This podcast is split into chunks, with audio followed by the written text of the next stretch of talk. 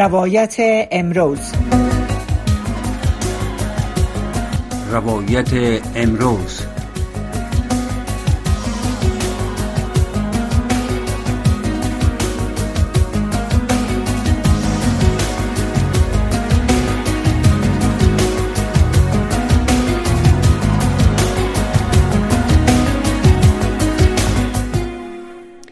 سلام مجدد حضور تمام شما دوستای عزیز شنونده و بیننده در نیم ساعت آینده من میزبان برنامه روایت امروز هستم. موضوع برنامه امروز را به موضوع عدم حضور زنان معترض در نشست های بین المللی در رابطه با افغانستان اختصاص دادیم. این موضوع موضوعی است که با خانم هدا خموش در موردش صحبت می‌کنیم. فکر کنم هدا جان در برنامه با خود داریم. صدای مرا خانم خموش صدای مرا دارین خانم خموش در تلاش هستیم که ببینیم خانم خموش صدای مرا دارن یا خیر. فکر کنم ارتباطشان با ما برقرار نشده. هنوز تلاش می‌کنیم که خانم خموش را دوباره روی خط بیاریم.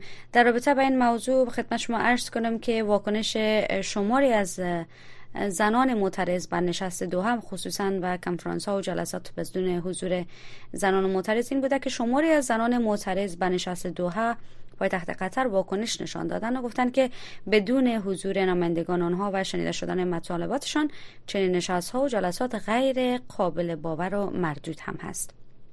جمعی از زنان معترض امروز شنبه 12 دسامبر با نشر اعلامی گفتند که جلسات بعد از تسلیم دهی نظام جمهوریت به طالبان که این گفته در نقل قول مستقیم هست حذف سیستماتیک زنان و آپارتایت جنسیتی و هزاران عملکرد ضد انسانی و جنایات ضد بشری راهکار طالبان است.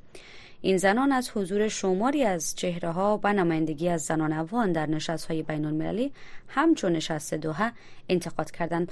لازم به ذکر است که در نشست ویانا هم طوری که ما با یکی از اعضای نشست که به شکل مجازی اشتراک کرده بودن آقای سعید باقر محسنی اگر اشتباه نکنم در این نشست بودن و از ایشان جویای حضور زنان معترض افغان هم شدم و ایشان گفتن که نخیر در این نشست حضور نداشتن. اما از زنان دیگر کسانی بودند که به نمایندگی از زنان افغان صحبت می‌کردند. در اعلامیه آمده که زنان در دولت جمهوریت و بعد از حاکمیت طالبان در افغانستان تریبون های بین المللی را خیلی ساده در اختیار دارند در حالی که دختران بی سرنوشت بعد از صنف ششم و زنان معترض با شیوای متنوع برای حق عدالت برابری و آزادی شب و روز خود را یکی کرده و بیدرنگ دادخواهی می‌کنند ناگفتن همانه که شماری از این زنان همین اکنون در افغانستان هستند و اعتراضات خود را به شکل سربسته در مکانهای از جمله خانه هایشان برگزار می‌کنند. دوستان تا که خانم خموش در برنامه با خود میره میریم شرح اخبار افغانستان منطقه و جهان را بشنویم. برمیگردیم که امیدوارم خانم خموش با ما بپیوندند در برنامه. شنوندگان عزیز سلام. شب همه شما بخیر. حفیظ آصفی هستم. توجه کنید با خبرهای این ساعت. شمار از زنان معترض بر نشست دوها پایتخت قطر واکنش نشان داده و گفتهاند که بدون حضور نمایندگان آنان و شنیده شدن مطالباتشان چنین نشست ها و جلسات غیر قابل قبول و مردود است. جمعی از زنان معترض امروز سه شنبه دوازدهم ماه دسامبر با نشر اعلامیه گفتند که جلسات بعد از تسلیم دی نظام جمهوریت به تروریستان طالب حذف سیستماتیک زنان و آپارتاید جنسیتی و هزاران عملکرد ضد انسانی و جنایات ضد بشری راهکار طالبان است. آنان از حضور شمار از چهره ها و نمایندگی از زنان افغان در نشست های بین المللی به مانند نشست دوها انتقاد کردهاند. دفتر هماهنگی امور کمک های بشری ملل متحد یا اوچا می گوید که پس از گذشت بیش از دو ماه از وقوع اولین زلزله ویرانگر در هرات 266800 زلزله زده در این ولایت کمک های بشری دریافت کردند. اوچا امروز سه شنبه 12 ماه دسامبر گزارش داد که نهادهای امدادرسان برای آسیب دیدگان زلزله سرپناه اضطراری کمک های نقدی و اقلام غیر خوراکی توضیح کردند بر اساس گزارش 16169 خانواده خیمه دریافت کردند و 5.1 میلیون دلار کمک های نقدی برای 19652 خانواده نیز توزیع شده است. بانک مرکزی پاکستان از افزایش 2.65 درصد صادرات این کشور به افغانستان طی چهار ماه سال روان مالی خبر داده است. در گزارش این بانک آمده است که از ماه جولای تا ماه اکتبر صادرات پاکستان به افغانستان حدود 186.7 میلیون دلار بوده در حالی که در مدت مشابه سال مالی قبل این رقم کمتر از 176.2 میلیون دلار بوده است. آمار این بانک نشان می‌دهد که واردات پاکستان از افغانستان از ماه جولای تا ماه اکتبر سال روان مالی 81.30 درصد کاهش یافته است. افغانستان بیشتر میوه خشک و تازه و زغال سنگ به پاکستان صادر می کند اما صادرات زغال سنگ نیز به میزان زیاد کاهش یافته است. خبرهای منطقه و جهان را از رادیو آشنا صدای امریکا می شنوید. مهاجمان مسلح یک موتر باربری مملو از مواد انفجاری را بر یک مرکز پلیس در دیره اسماعیل در خیبر پختونخوا تصادم دادند که در نتیجه آن 25 تن از نیروهای امنیتی کشته و ده تن دیگر زخمی شده اند. جزیات بیشتر را از سحر عظیمی می شنوید. محمد ادنان یک مقام پلیس به خبرنگاران محلی گفته است که در این حمله امروز سهشنبه 12 دسامبر چهار مهاجم دخیل بودند. به گفته این مقام پلیس این تهاجم با یک حمله انتحاری آغاز شده و سپس مهاجمان با پلیس به درگیری پرداختند. ادنان تایید کرد که در نتیجه درگیری چهار مهاجم از پا درآمدند. ادامه خبرها. قرار است امروز سه شنبه ولادیمیر زلنسکی رئیس جمهور اوکراین در قصر سفید با جو بایدن رئیس جمهور ایالات متحده ملاقات کند. او امروز سه شنبه در کنگره ایالات متحده نیز با قانونگذاران ملاقات خواهد کرد تا آنان را به فرامآوری کمک بیشتر نظامی به اوکراین ترغیب کند. زلنسکی روز دوشنبه در خطابش در پوانتون دفاع ملی در واشنگتن دی سی در جمع از افسران نظامی امریکا تذکر داد که عدم حمایت از اوکراین در برابر روسیه خواب کرملین را برای شکست دموکراسی در اروپا به واقعیت مبدل خواهد کرد. این دومین سفر زلنسکی با واشنگتن در طول ماهای اخیر است. از زمان تهاجم روسیه بر اوکراین ایالات متحده کمک های نظامی به ارزش 111 میلیارد دلار را به اوکراین فراهم کرده است. گروه حوسیا امروز سه شنبه در سلسله حملاتی که دلیل آن را اعتراض به بمباری غزه توسط اسرائیل ذکر کردند یک تانکر تجارتی نروژ را مورد هدف قرار دادند. یحیی سری سخنگوی این گروه گفت که این تانکر با هشدارها واکنش نشان نداد و مورد شلیک یک راکت قرار گرفت. او گفت که گروه حوسی ها به ممانعت از عبور کشتی هایی که به سمت سواحل اسرائیل در حرکتند تا زمان ادامه خواهد داد که اسرائیل اجازه انتقال غذا و دوا را به غزه بدهد.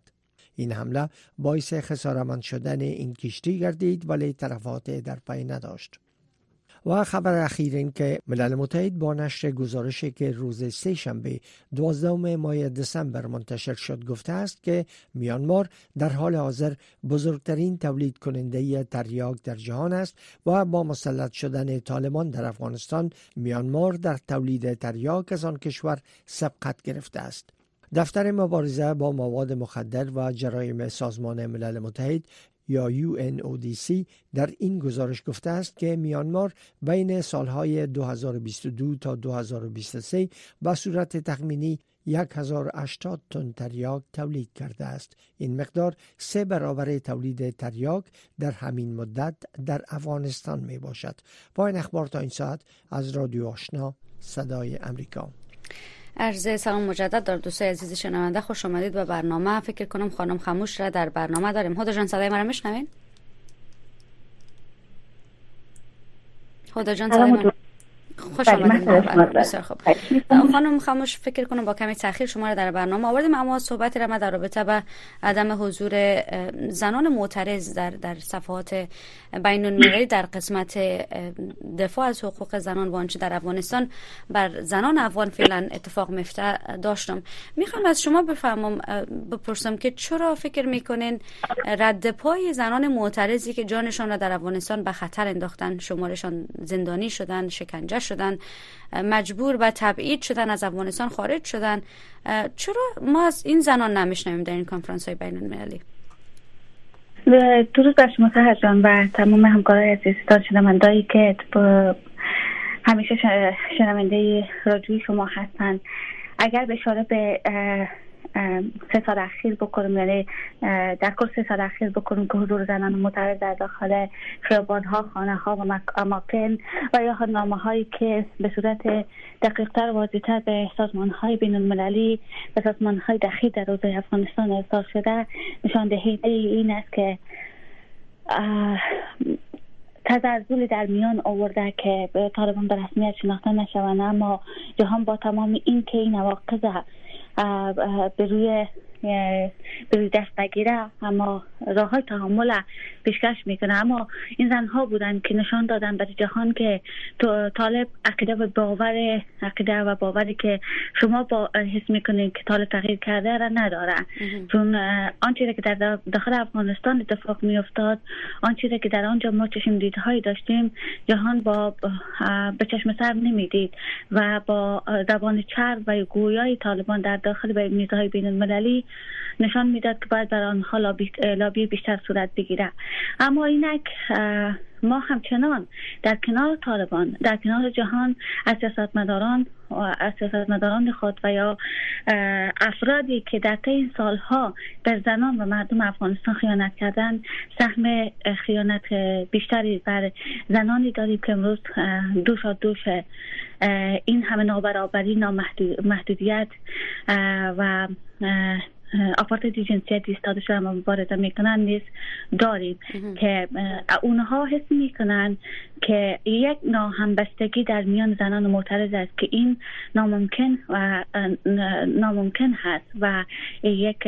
یک صورت واضح که ما تحت یک سازمان نیستیم تحت یک گروه نیستیم نشان دهنده است که اینا هدف مشخصتری ندارن. اما شما دیدین که با شوانه صورت نداشت و برنامه سازنده صورت نداشت ما برای حق خود و برای حضور خود در خیابان بیرون شدیم که از گروه ها از گروه واتساپ مسنجر شکل گرفتیم بله. و همه ما در یک کشور همه ما در یک شهر و در یک منطقه نبودیم و مجبور بودیم که زمانی که یک افرادمان سکوت می‌کنه یا به زندان کشیده میشه بقیه هم همچنان عقب نشینی بکنیم تا ضربه بیشتری بر زنان نرسه که این ما را از میزه های گفتگو و مسیر بین المللی بیشتر به جای بله. کاهش دارن بله بله.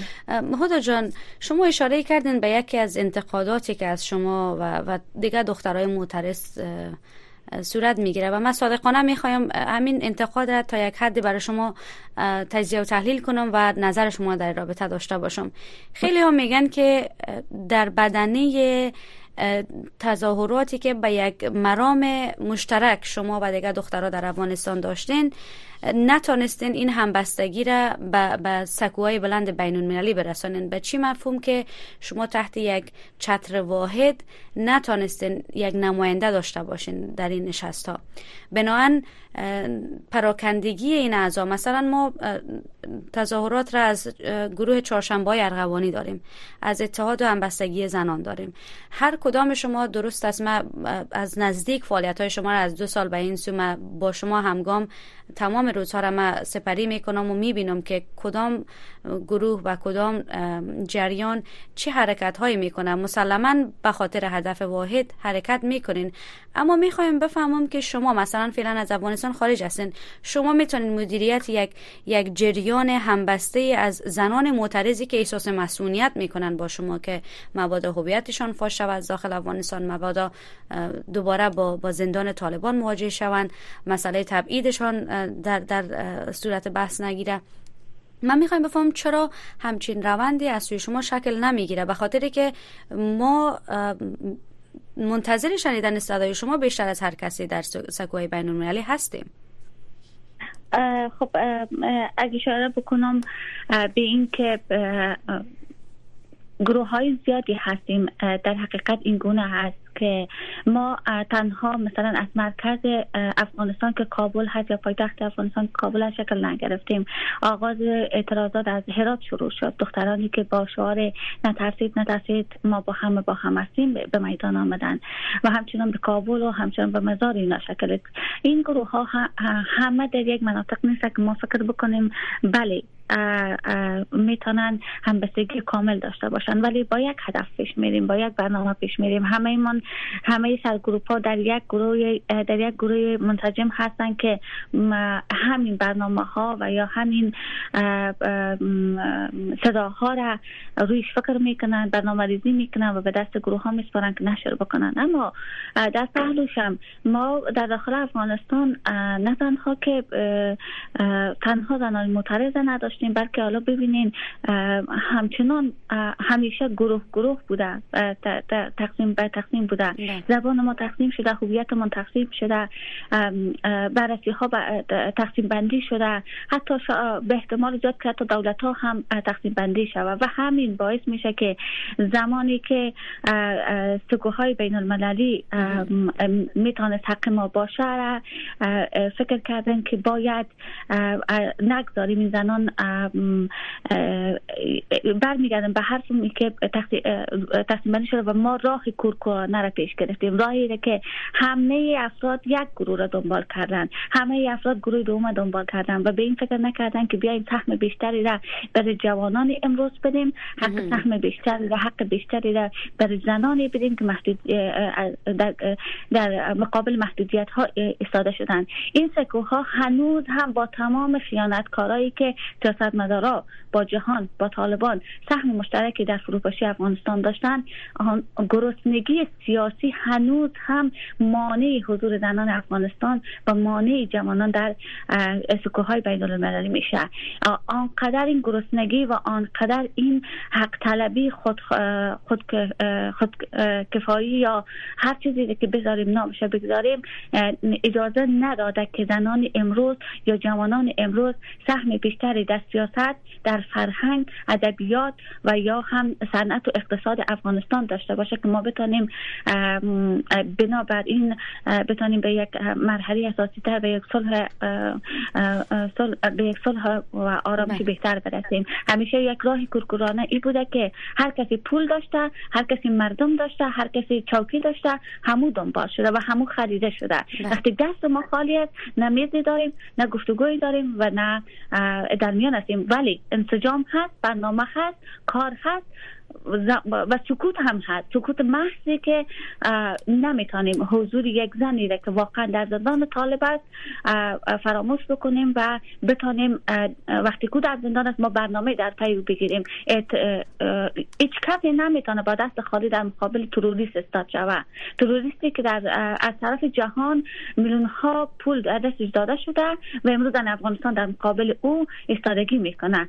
ما بارها برای این جلساتی که در بیرون از افغانستان گفتیم اگر طالب واقعا خوب است عقیده و باور داریم برای حضور تغییر طالب پس بگذاریم که از افغانستان بیای به اروپا حاکمیت بکنه.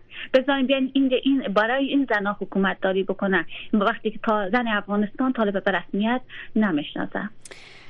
خدا جان موضوع زنان دربند در حال حاضر از جمله خانم پارسی و دوستای دیگه که در موردشان زیاد صحبت نمیشه موضوع حتی گرفتاریشان به یک خبر تکراری به یک شکل مبدل شده.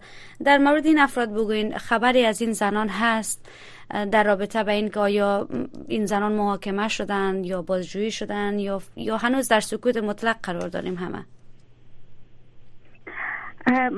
متاسفانه سخر عزیز که از با خانواده خانم منیجه که ما صحبت کردیم منیجر از همه دختران محترس البته در وزارت داخله بودن که از اونجا به ریاست چل انتقالشان دادین. و زمانی که افرادی که زندانی و مورد تحقیق قرار می‌گیرن که از وزارت داخله بیرون میشن و به ریاست چهار برده میشون یعنی ریاست چل یعنی uh, قابل یعنی حقی ندارن که ملاقات بکنن حقی ندارن که نامه دریافت بکنن یا نامه بیرون بدن حقی ندارن که حتی حتی غذا بخورن و بخوابن.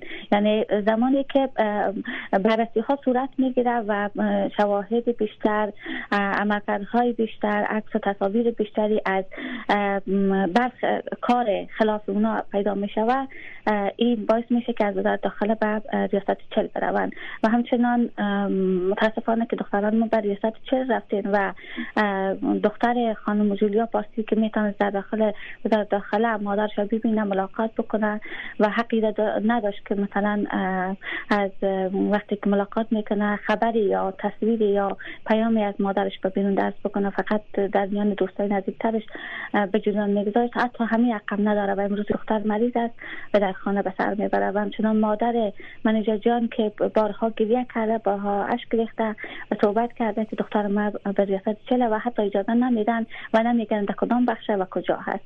تا زمانی که طالبا تصمیم بگیره که چه برنامه با اون می‌گیره که تصمیم طالبا هم بنابر یک بودجه هست که به دسترس او وقت زمانی که بودجه قرار بگیره از طرف جهان حتما اینا را رها می‌کنه. چون زمانی که طالبا ما بارها اشاره کردیم که طالب یک پروژه هست و این پروژه به کوتاه مدت یا طویل مدت از بین خواهد رفت و اینا بیرون خواهند شد چون برنامه برای افغانستان ندارن. همین گونه با همین برنامه در داخل افغانستان آمدین تحت سرمایه داری آمدین و باید یعنی فربه شوند و این فربه بودن زمانی که محدودیت ها تحریم ها ایجاد می شود دست به گرفتاری زنها گرفتاری فالین مدنی خبرنگارا شکنجه و یا هم آزار اذیت شهروندا صورت می‌گیره که جهان به خاطر اینکه بتانه راه تعامل بیشتر پیدا بکنه مجبور است که به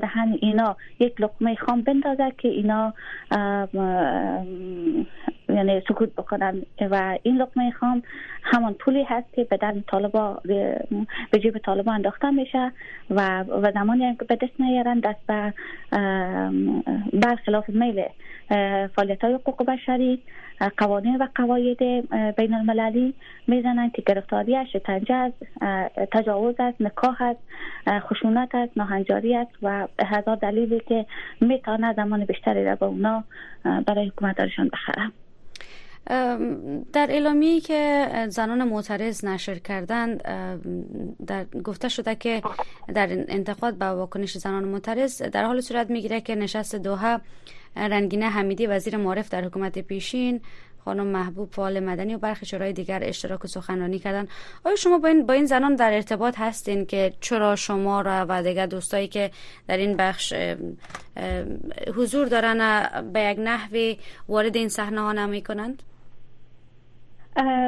سهر ما جلوترم بر شما یادآوری کردم که مردم ما راه کورکورانه پیش می‌برن و این زنها یک حداقل تجربه 20 ساله دارن. تجربه که نشان میده که زبان بین الملل یاد دارن گفتگوهای سیاسی را یاد دارن از کدام واژه ها برای جلب توجه خودشان بلد هستن چگونه می‌تونن راه تعامل با مردم چگونه راه تعامل با جهان و چگونه در تدزلی که بتونه هم حضورشان در داخل افغانستان و بیرون افغانستان داشته باشن بلد هستند. و اما ما زنانی که مثلا از مکاتب از اداره ها از خانه های خود به خیابان آمدیم و حق خودمان فقط نان کار آزادی بوده و توقع بیشتری نداشتیم تا بتانیم حضور داشته باشیم بتانیم کار بکنیم. کمتر از زنانی بوده که تجربه داشتن و آنها زبان یاد دارن.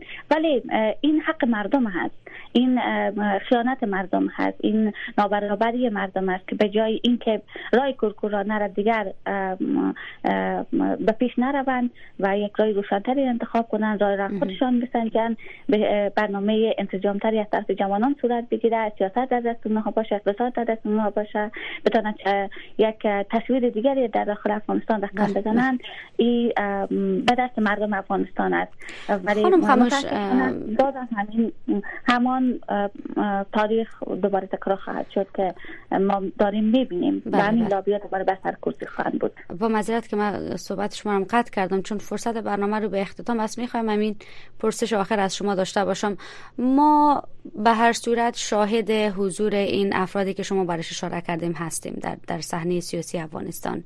به نظر شما چرا یک تفاهم؟ حالا مشکل ما این است که همیشه ما صحنه را منفی آن چیزی که در گذشته کار نداده توقع می‌کنیم. حالا که ما همین رسپی همین طرز شکلگیری این حکومت ها را به همین شکل داریم با همین افرادی که شما برش اشاره کردین آیا شما حاضر هستین با همین افراد در یک بستر به هر حال اونا نتورک دارن اونا با افراد آشنا هستن به یک رقمی با همین افراد همکار شوین که بتونین در صحنه سیاسی از افغانستان نماینده کنین. به حال آنها هم بخشی از واقعیت جامعه افغانستان هستن. اگر خواسته باشیم برشان نگاه عادلانه داشته باشیم. من زمانی در کنار افرادی قرار می‌گیرم که واقعا حق جنس خود نخوره و بر همجنس خودش خیانت نکنه. ولی لابی برای دشمن زن و دشمن ادبیات زبان تمدن خود یعنی لابی دشمن خود نکنه دشمن ما را نکنه. ولی در هر صورت زمانی که بتونه راه روشنتری مسیر روشنتری برای آبادی و صلح و برابری زنان حتی بیشتر از او لابی بکنه حرف بزنه و تقلا بکنه. ما هستم و حتی حمایت می‌کنم. شما ببینین همان قدری که یک ناانسجامی در درون زنان معترض بوده همان قدر هم خورد و خوراک و حرف و حدیث و توهین و تحقیر از طرف مردم برای همین زنها بوده بله، که بله اینها یا در سکو بر, بر هم خیانت کردن افغانستان ترک کردن و همچنان یعنی حق بیشتری دارن پاسپورت دارن زمینه سفر دارن زمینه صحبت دارن ولی ما افرادی که آمدیم بعد از تی دو سال من خودم تنها به خودم اشاره می‌کنم بعد از دو سال اجازه سفر پیدا کردم. اجازه سفر که من تونستم پاسپورت بگیرم و بتونم سفر بکنم. چون من زمانی که به نروژ آمدم پاسپورت هویت افغانستان ما گرفته شد و من باید منتظر میمدم که بله، بتونم به بله. یک میز گفتگو برم و صحبت بکنم. و هم همچنان هزاران زنی که مثلا باید صحبت بکنم ولی آنهایی که مثلا امروز هم حقی را نمیدن بله، که زنان دیگری در در میز بین المللی باشه. یعنی ممنون از شما خانم خاموش. بر لحظات آخری می‌رسیم. ناگفته نمانه که از تمام این زنانی که شما برش اشاره کردین در نشست ها به شکل مجازی همه می‌تونن دعوت کنن که شامل بحث ها باشن. خیلی ممنون که تشریف آوردین. خیلی خوشحال شدیم از مصاحبت با شما. امیدواریم که در برنامه بعدی هم با شما باشیم و با شما صحبت کنیم و از شما و زنان معترض بیشتر و بیشتر بشنویم. خیلی خوشحال شدیم. تشکر خدا نگهدار شما. دوستای عزیز می‌رسیم به پایان برنامه روایت امروز. برنامه بعدی برنامه صدای شما یا احساس و غک هست که همکارم فوزیه جان احسان و فکر کنم یکی از همکاران بخش پشت ما هستن که میاین تشریف میارن. تا اینکه دوباره در خدمت قرار می‌گیریم شما را به خداوند بزرگ میسپاریم. شب روز شما بخیر. خدا نگهدار.